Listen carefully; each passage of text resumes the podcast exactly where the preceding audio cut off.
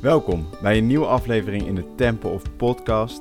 Vandaag ga ik in gesprek met yogatherapeut Jette Pedersen over het toelaten van verdriet en het loslaten van de persoon die je gisteren was en hoe je dat bereikt met behulp van yoga.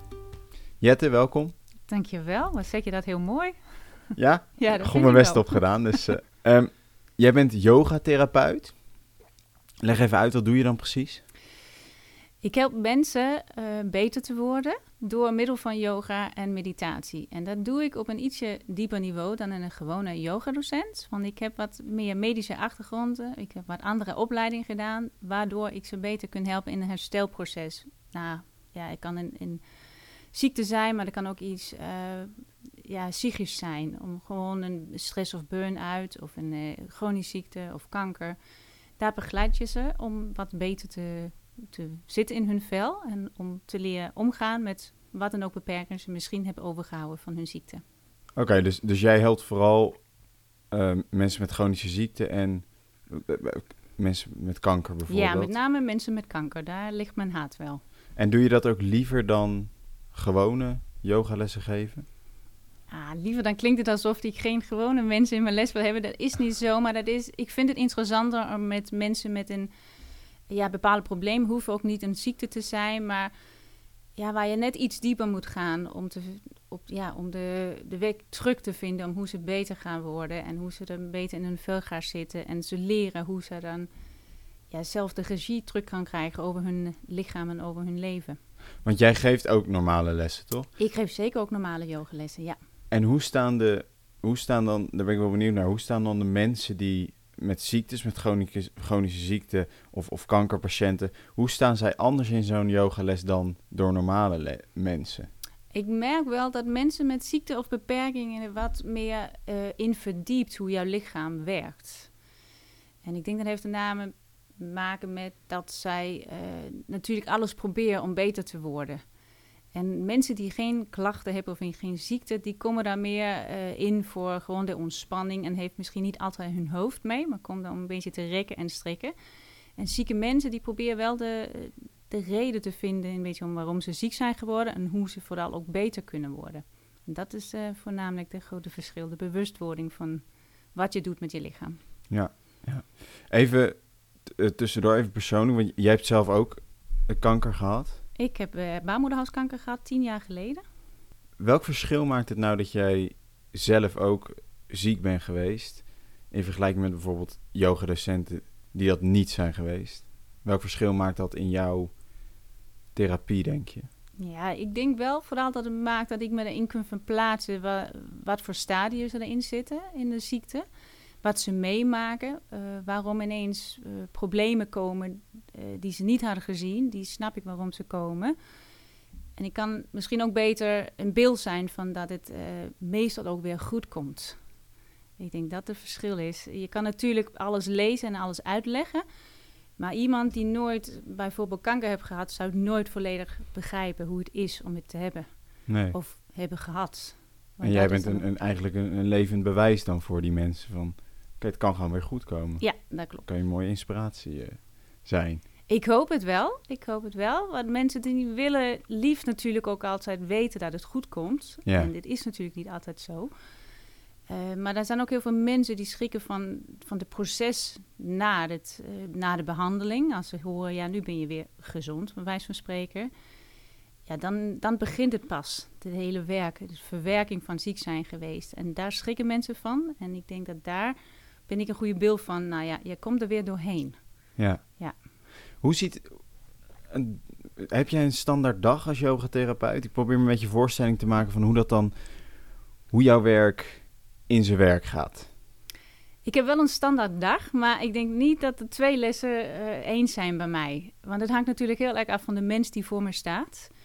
Ik heb altijd eh, een thema of een idee met de les die ik ga geven. Maar als mensen binnenkomen bij mij, dan, dan zie ik meteen hoe ze zich voelen. En ik vraag natuurlijk ook altijd hoe het met ze gaat. En op basis daarvan, nou, daar richt ik eigenlijk de les op. Dus Hm. dan kan ik meteen zien, nou, hebben ze vandaag rust nodig? Hebben ze meer energie nodig? Eh, moeten we misschien iets meer uitleggen van waarom zitten ze nu, blijven ze hangen in iets. Ja, dan is het meestal een uitleg van dat wat er in je hoofd gebeurt altijd een uitwerking in het lichaam heeft. En dat vinden mensen een beetje moeilijk om te begrijpen. Nou, dan wordt het misschien wat meer gesprek, wat meer oefeningen over. Dus de dag ziet er wel hetzelfde uit, maar die lessen zien er heel verschillend uit. Het is dus ook vooral één op één. Vooral één op één.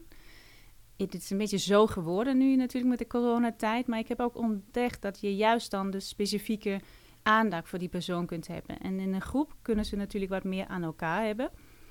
Maar met name als je in behandeling zit of net na de behandeling, is de één op één uh, lessen wel prettiger. Omdat er ook ruimte is van jouw ja, gevoelens uiten en gewoon jezelf kunnen zijn.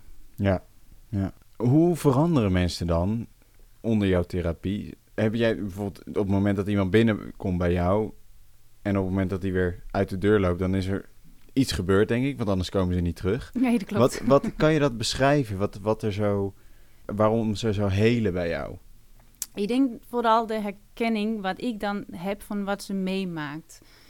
Uh, dat ze niet helemaal uh, denken dat ze gek worden, bij wijze van spreken. Want als je zit in een behandelingstraject, dan zit je in een overlevingsmechanisme en dan gaat alles goed en je voelt je goed. Dan ben je klaar en dan komt pas de klap. Dan word je heel verdrietig, word je angstig, word je boos. Kan van alles zijn. En daar verwachten mensen niet, want ze zijn weer oké. Dus ze verwachten dat ze weer terug kunnen gaan naar hoe ze waren voor de uh, ziekte. En dat dat hele uh, stress en angst ineens op hun pad komen, dat, dat wordt behoorlijk een slag voor ze. Ja, en dan, dan komen ze bij mij en dan zien ze, ja, maar dat, dat is normaal. En daar is een wekker eruit. Die is niet heel makkelijk, maar het kan wel. En ik denk dat daar gewoon de herkenning van, het is normaal wat je meemaakt. Maar niet op een iets hoger niveau dat gewoon iemand zegt, ja, dit hoort erbij. Maar juist zeggen, het hoort erbij, maar jij kan dit en dit doen om het beter te maken dat maakt het verschil. Dan maakt het ze wat rustiger, wat blijer, wat opgelukter de studio uitlopen na een uur. Is, is dat ook wat er zoveel energie geeft aan je werk? Dat je die, dat je die ruimte van begrip kan creëren? Ja, zeker. Zeker, want uh, het wordt heel verwacht van mensen als ze weer beter zijn... dat ze gewoon meedraait in de samenleving. En het verwachten ze eigenlijk ook van hunzelf. En daar is weinig ruimte om te rouwen, want het is in principe een rouwproces. Je bent ziek geweest, je bent iets van jezelf verloren, met name je uh, vertrouwen in je lichaam ben je verloren. Dus het is ook een rouwproces. Je moet afscheid van iets nemen, de onbevangenheid van het leven, maar misschien ook ja, een lichaamsdeel of een, een deel van een borst of uh, wat dan ook. Dus dan moet je doorheen. En, en pas als je doorheen bent, ja, dan, dan wordt het beter. En als ik zie dat het helpt bij mensen, dat ze door die stappen heen gaan, ja, dat geeft mij natuurlijk heel veel energie. Had jij in jouw eigen geval ook het idee dat er geen ruimte meer was na jouw behandeling tegen die kanker? Dat er daarna eigenlijk geen ruimte meer was voor begrip of dat je geen plek had om heen te gaan, dat je eigenlijk misschien een beetje eenzaam was in die ziekte na die behandeling? Eh, zeker. Uh, nu heb ik dan ook een beetje een nadeel dat ik net uh, negen maanden in dit land woonde. Ik kom uit Denemarken, dus ik had okay. ook niet echt een, een grote net om me heen. Ik heb ook een, een type kanker die niet heel groot is en waar er niet zo heel veel steun omheen zijn. Heb je borstkanker, daar staat een hele net vol van mensen en mama care centers die je gaat opvangen, je gaat helpen. Dat had ik niet toen. Dus het is behoorlijk eenzaam. Dan kan je thuis bij je familie en je partner proberen alles te, te praten en praten en praten. Op een gegeven moment dan lukt dat niet meer, want het begrip is er gewoon niet. Ja, dan moet je ergens anders zoeken en dat had ik niet. En dat is natuurlijk een van die grote redenen waarom ik dit nu doe. Om juist die omgeving te creëren waar mensen ook de steun kunnen krijgen, waar het gevoel kunnen krijgen. Hier kan ik alles zeggen, hier kan ik verdrietig zijn, hier kan ik boos zijn, hier is de begrip. Ja, dat, dat wil ik gewoon voor hun creëren. Ja. Ben jij zelf na je ziekte ook pas begonnen met yoga of deed je dat daarvoor ook? Ik heb, nou ja, bijna heel mijn leven, nee, dat is niet waar. Helft van mijn leven heb ik uh, yoga gedaan, maar voor de ziekte als, als heel fysieke, als power yoga, als kracht yoga. En pas na mijn ziekte ben ik uh, begonnen met wat zachtere, maar de meer genezende vorm, of de yoga gebruiken en meditatie gebruiken om je zelfhelende vermogen in je lichaam te versterken. Waarom dacht je op een gegeven moment, nu wil ik yoga ook aan anderen gaan geven? voordat ik ziek werd, dan werkte ik in een drukke baan als een marketingassistent, een marketingmanager. en dan was het ineens na de ziekte niet zo zinvol werk meer. Ik, uh, dat hele stress over snel reageren, iets moeten verkopen aan mensen die misschien niet iets eens nodig hadden, dat vond ik uh, niet zo spannend meer.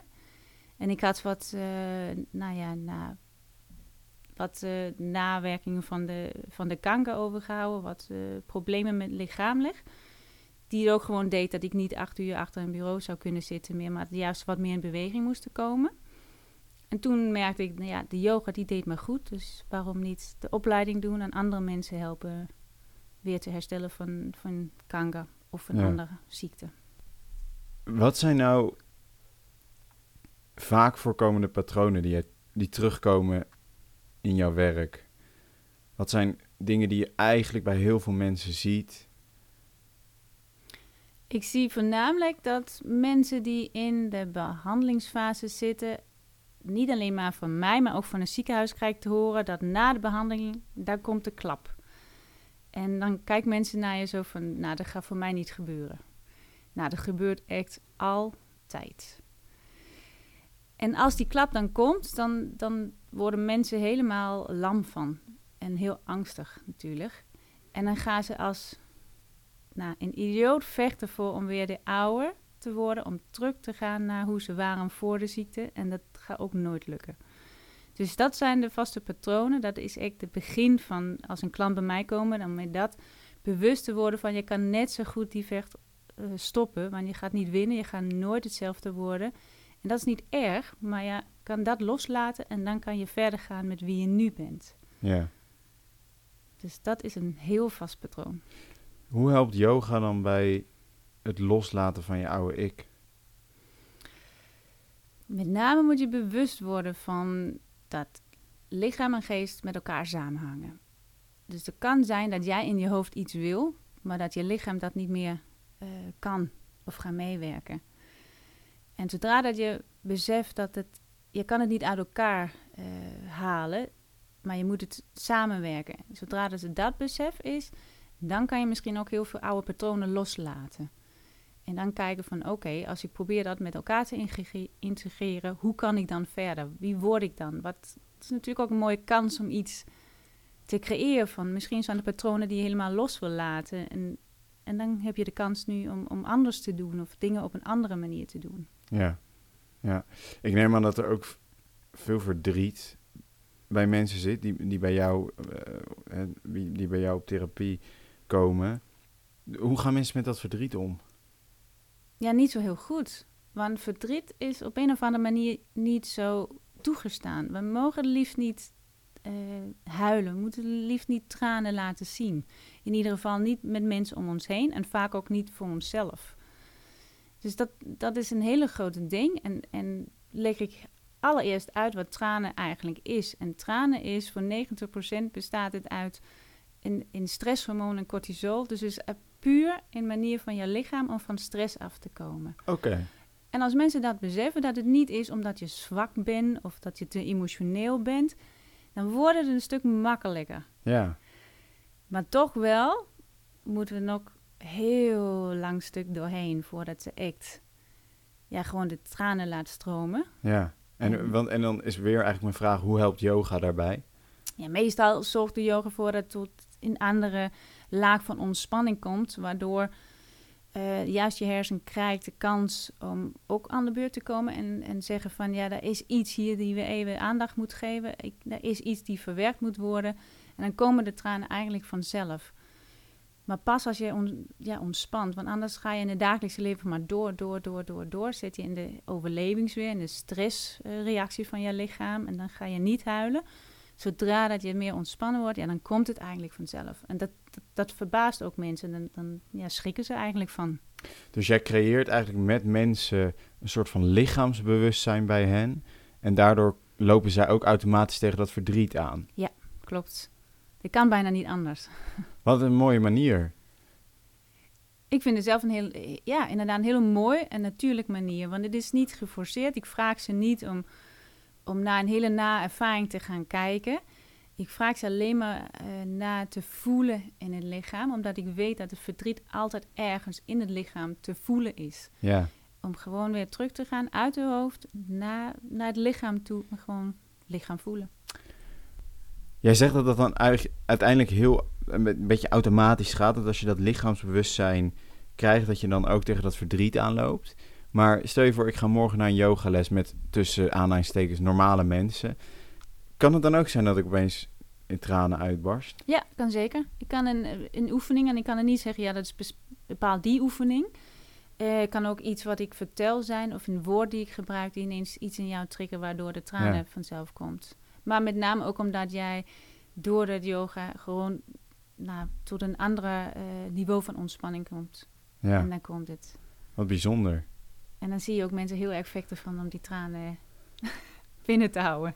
Terwijl, terwijl ze eigenlijk gewoon moeten stromen. Ja, ik, ik ben zelf ook fan hoor, van af en toe goed potje janken. Ik merk ook dat ik er minder stress door krijg. Maar ik wist dus niet dat, eh, dat zo'n traan voor 90% uit het stresshormoon bestaat. Maar dat verklaart dus veel. Ja. Heb je nou nog iets wat je aan de luisteraar wil meegeven? Een advies dat ze in het achterhoofd moeten houden? Ja, leer je lichaam voelen. Want als je lichaam voelt, nou, dan kan je ook horen wat je lichaam wil vertellen. En dat is natuurlijk altijd beter om het te horen voordat het te ver gaat, voordat je ziek wordt. Ehm, maar ook omdat je, uh, ja, je, je leeft niet in je hoofd, je leeft in je lichaam met je hoofd. En het moet met elkaar. Dus leer je lichaam voelen, luister en neem dan actie. Als je lichaam iets zegt dat je ergens een pijn of een kwaaltje hebt, ja. doe er dan iets aan.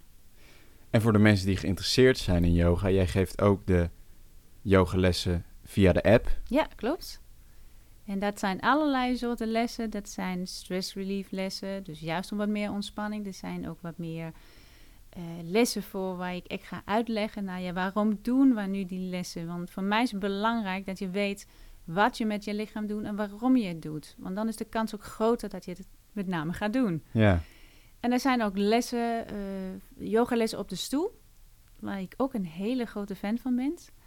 Want je kan alles op een stoel doen wat je ook op de grond gaat doen. Ja.